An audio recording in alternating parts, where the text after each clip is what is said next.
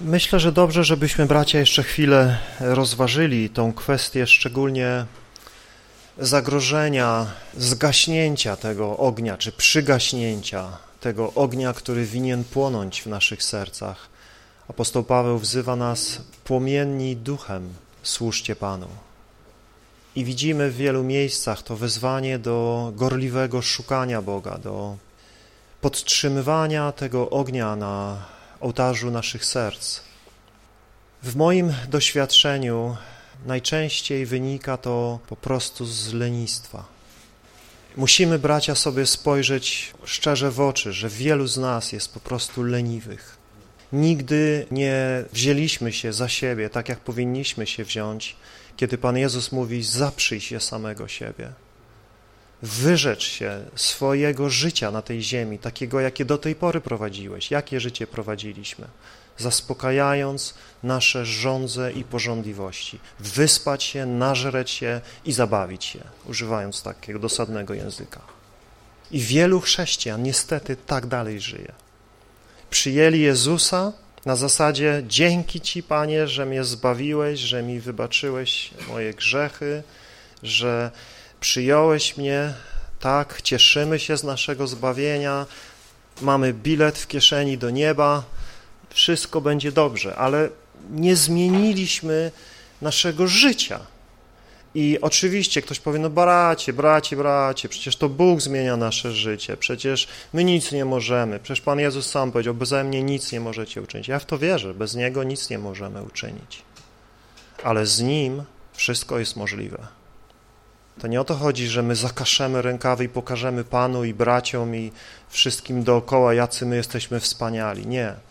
My zaczęliśmy jako nędzarze, zaczęliśmy jako ci, którzy nic nie mieli i nic nie mogli i rozumiem, że w taki sam sposób kontynuujemy do samego końca, nie polegając na sobie i w żaden sposób nie doszukując się w sobie samych jakiejś zdolności czy mocy, Niemniej jednak, zobaczcie, ile mamy wezwań Pisma do tego, by się trudzić, by się zmagać. Piotr mówi, że została nam dana ta wielka łaska, zostaliśmy obdarowani wiarą i zostaliśmy zbawieni, uczynieni dziećmi Boga. Ale teraz co mówi?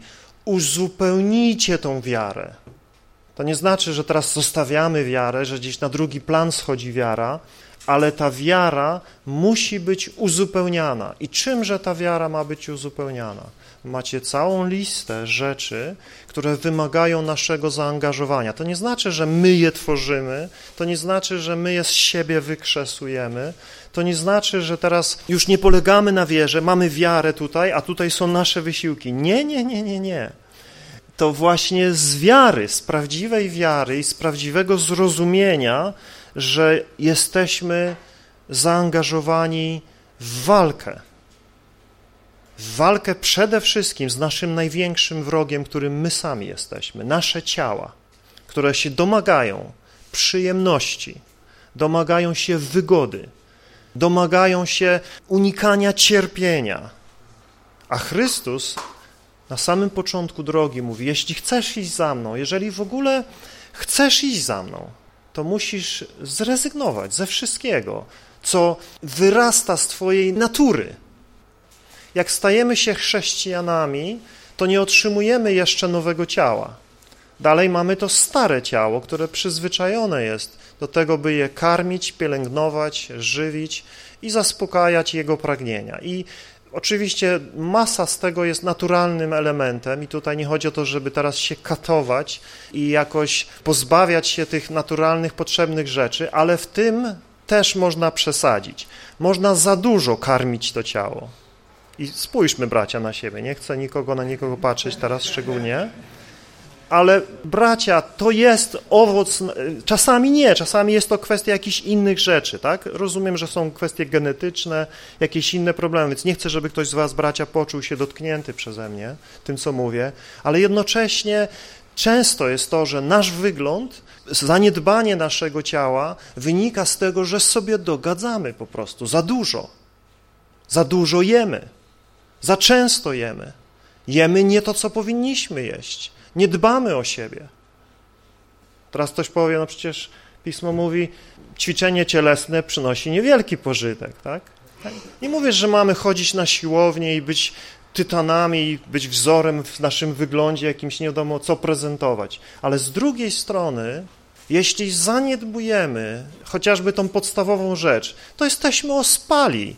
Jak za dużo zjesz człowieku, to jesteś ospały. Jak w niedzielę się najesz wielkie śniadanie i przyjdziesz na nabożeństwo, to nie dziw się, że potem ci się oczy zamykają głowa ci opada, bo się obżarłeś od rana. I twój organizm nie daje rady. I się męczy z tym, co tam włożyłeś w siebie. To są bardzo proste rzeczy i wielu chrześcijan nie chce tego słuchać. Dla nich to jest cielesne, dla nich to jest zakon, to jest od razu ten temat, te tematy jak się porusza, to wielu od razu się spina. Ale bracia, co to znaczy zaprzeć się samego siebie? Co to znaczy, jak apostoł Paweł mówi, że uśmierca swoje ciało, że nie bije na oślep, ale zadaje sobie ciosy, że dyscyplinuje siebie? Na czym polega owoc ducha, który mówi o wstrzemięźliwości, o samokontroli?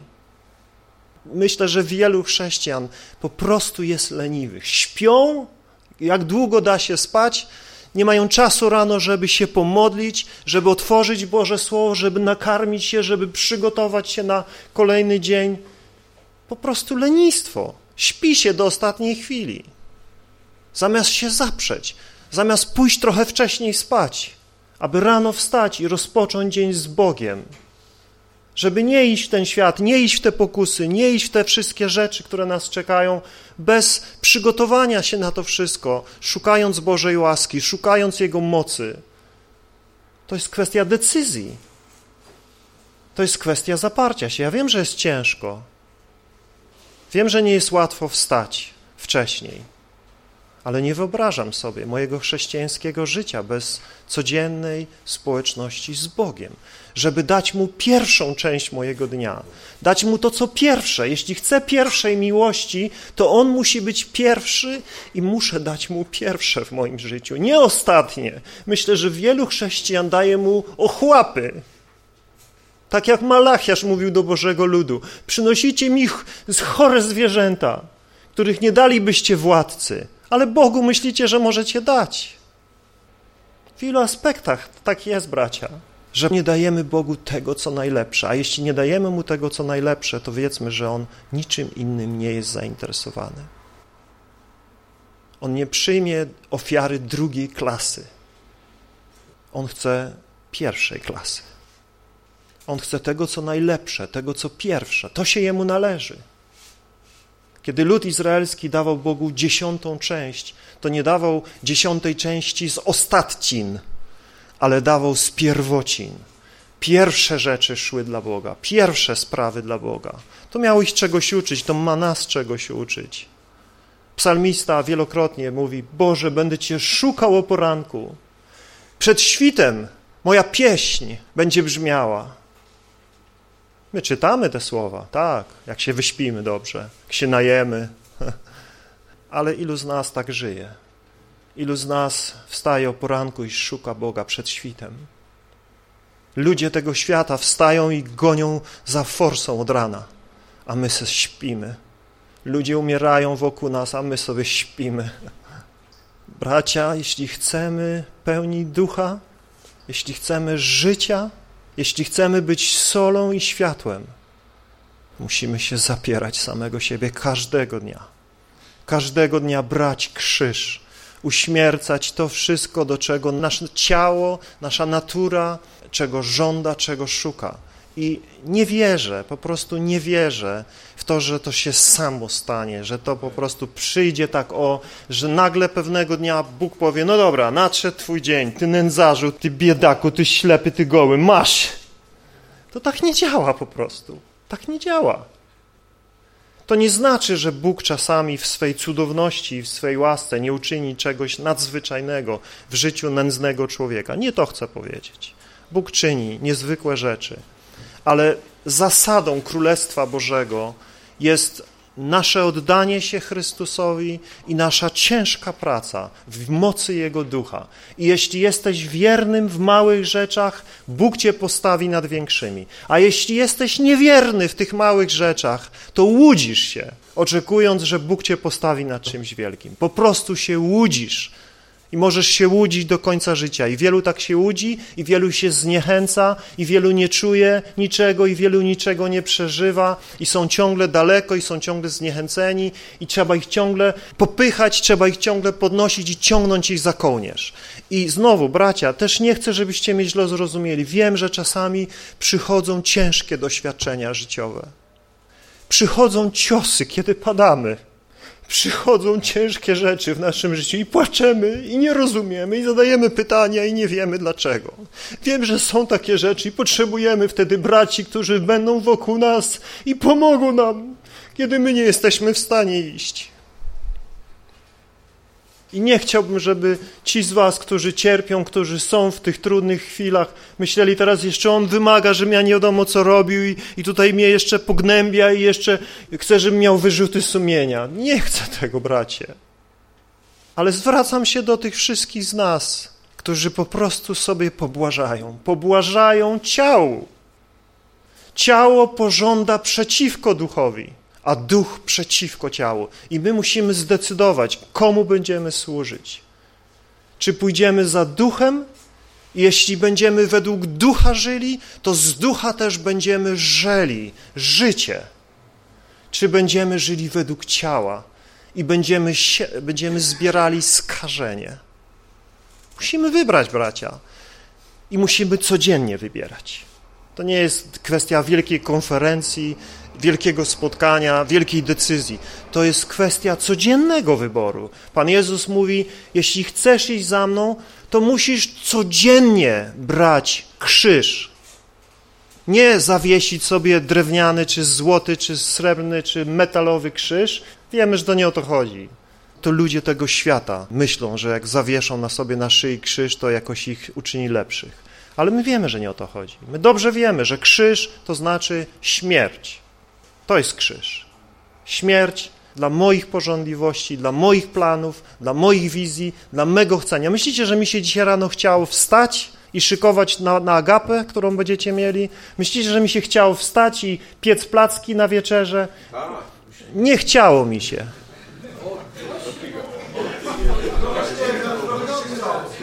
Wybaczcie, bracia, nie jestem jeszcze na tym poziomie. Chciało mi się, w innym sensie. Chciało mi się, bo was miłuję, bo się cieszę, że mogę służyć braciom. Ale ciało, myślicie, że chciało mi się stać? Kiedy bracia jeszcze sobie tam chrapali w drugim pokoju? W ogóle dla mnie nie ma znaczenia, co mi się chce. Wyobrażacie sobie, żebym zostawił mojej żonie niepomyte naczynia w zlewie i bym poszedł tutaj?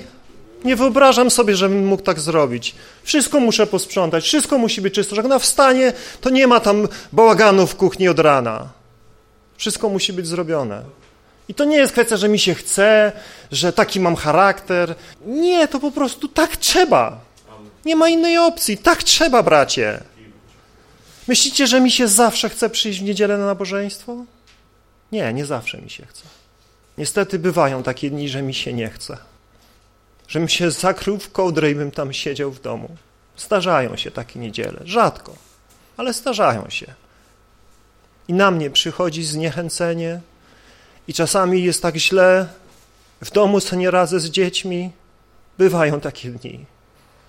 I myślicie, że nie przychodzę? Że dzwonię do braci i mówię, nie będzie mnie. Adaś, tak jest? No nie, nie pamiętam w ogóle nie dzwonić, bo niektórzy... No, wiadomo, wielu sobie po prostu nie przyjdzie, bo tak się czują i co nie będą przychodzili. Przestańmy żyć według tego, co nam się chce i co nam się nie chce. Żyjmy według tego, co jest naszym obowiązkiem, co jest naszą powinnością, a Bóg nam dopomoże.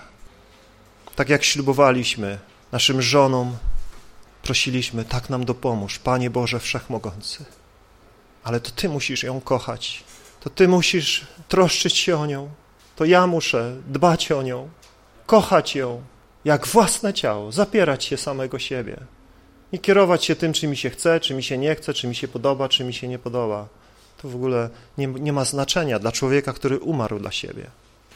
Chyba, że nie umarliśmy. Chyba, że nadal nasze ja, nasze ego dyktuje nam i tak wygląda nasze życie. I wtedy możemy, bracia, się spotykać, możemy się modlić, możemy wzniosłe hasła wygłaszać, ale to nas donikąd nie zaprowadzi. Jeśli każdy z nas nie zaprze się samego siebie i codziennie, codziennie nie będzie brał na siebie swojego krzyża i nie będzie naśladował Jezusa, który zobaczcie jak żył, jak służył innym, nie miał czasu, żeby zjeść. Szedł czasami 50 kilometrów w jedną stronę, żeby usłużyć jednej osobie. I Jezus mówi, chodź, naśladuj mnie, naśladuj mnie. I to jest możliwe. To jest możliwe nie w naszej mocy, ale w mocy Jego Ducha, którego włożył do naszych serc. Jeśli tylko my gotowi jesteśmy zapierać się samych siebie i przestać żyć dla siebie i kierować się naszym widzimisię i naszymi zachciankami. Tylko wtedy możemy być solą, tylko wtedy nie zwietrzejemy, tylko wtedy możemy jaśnieć Jego blaskiem, kiedy On w nas mieszka, żyje, panuje, kiedy Jego życie przepływa przez nas.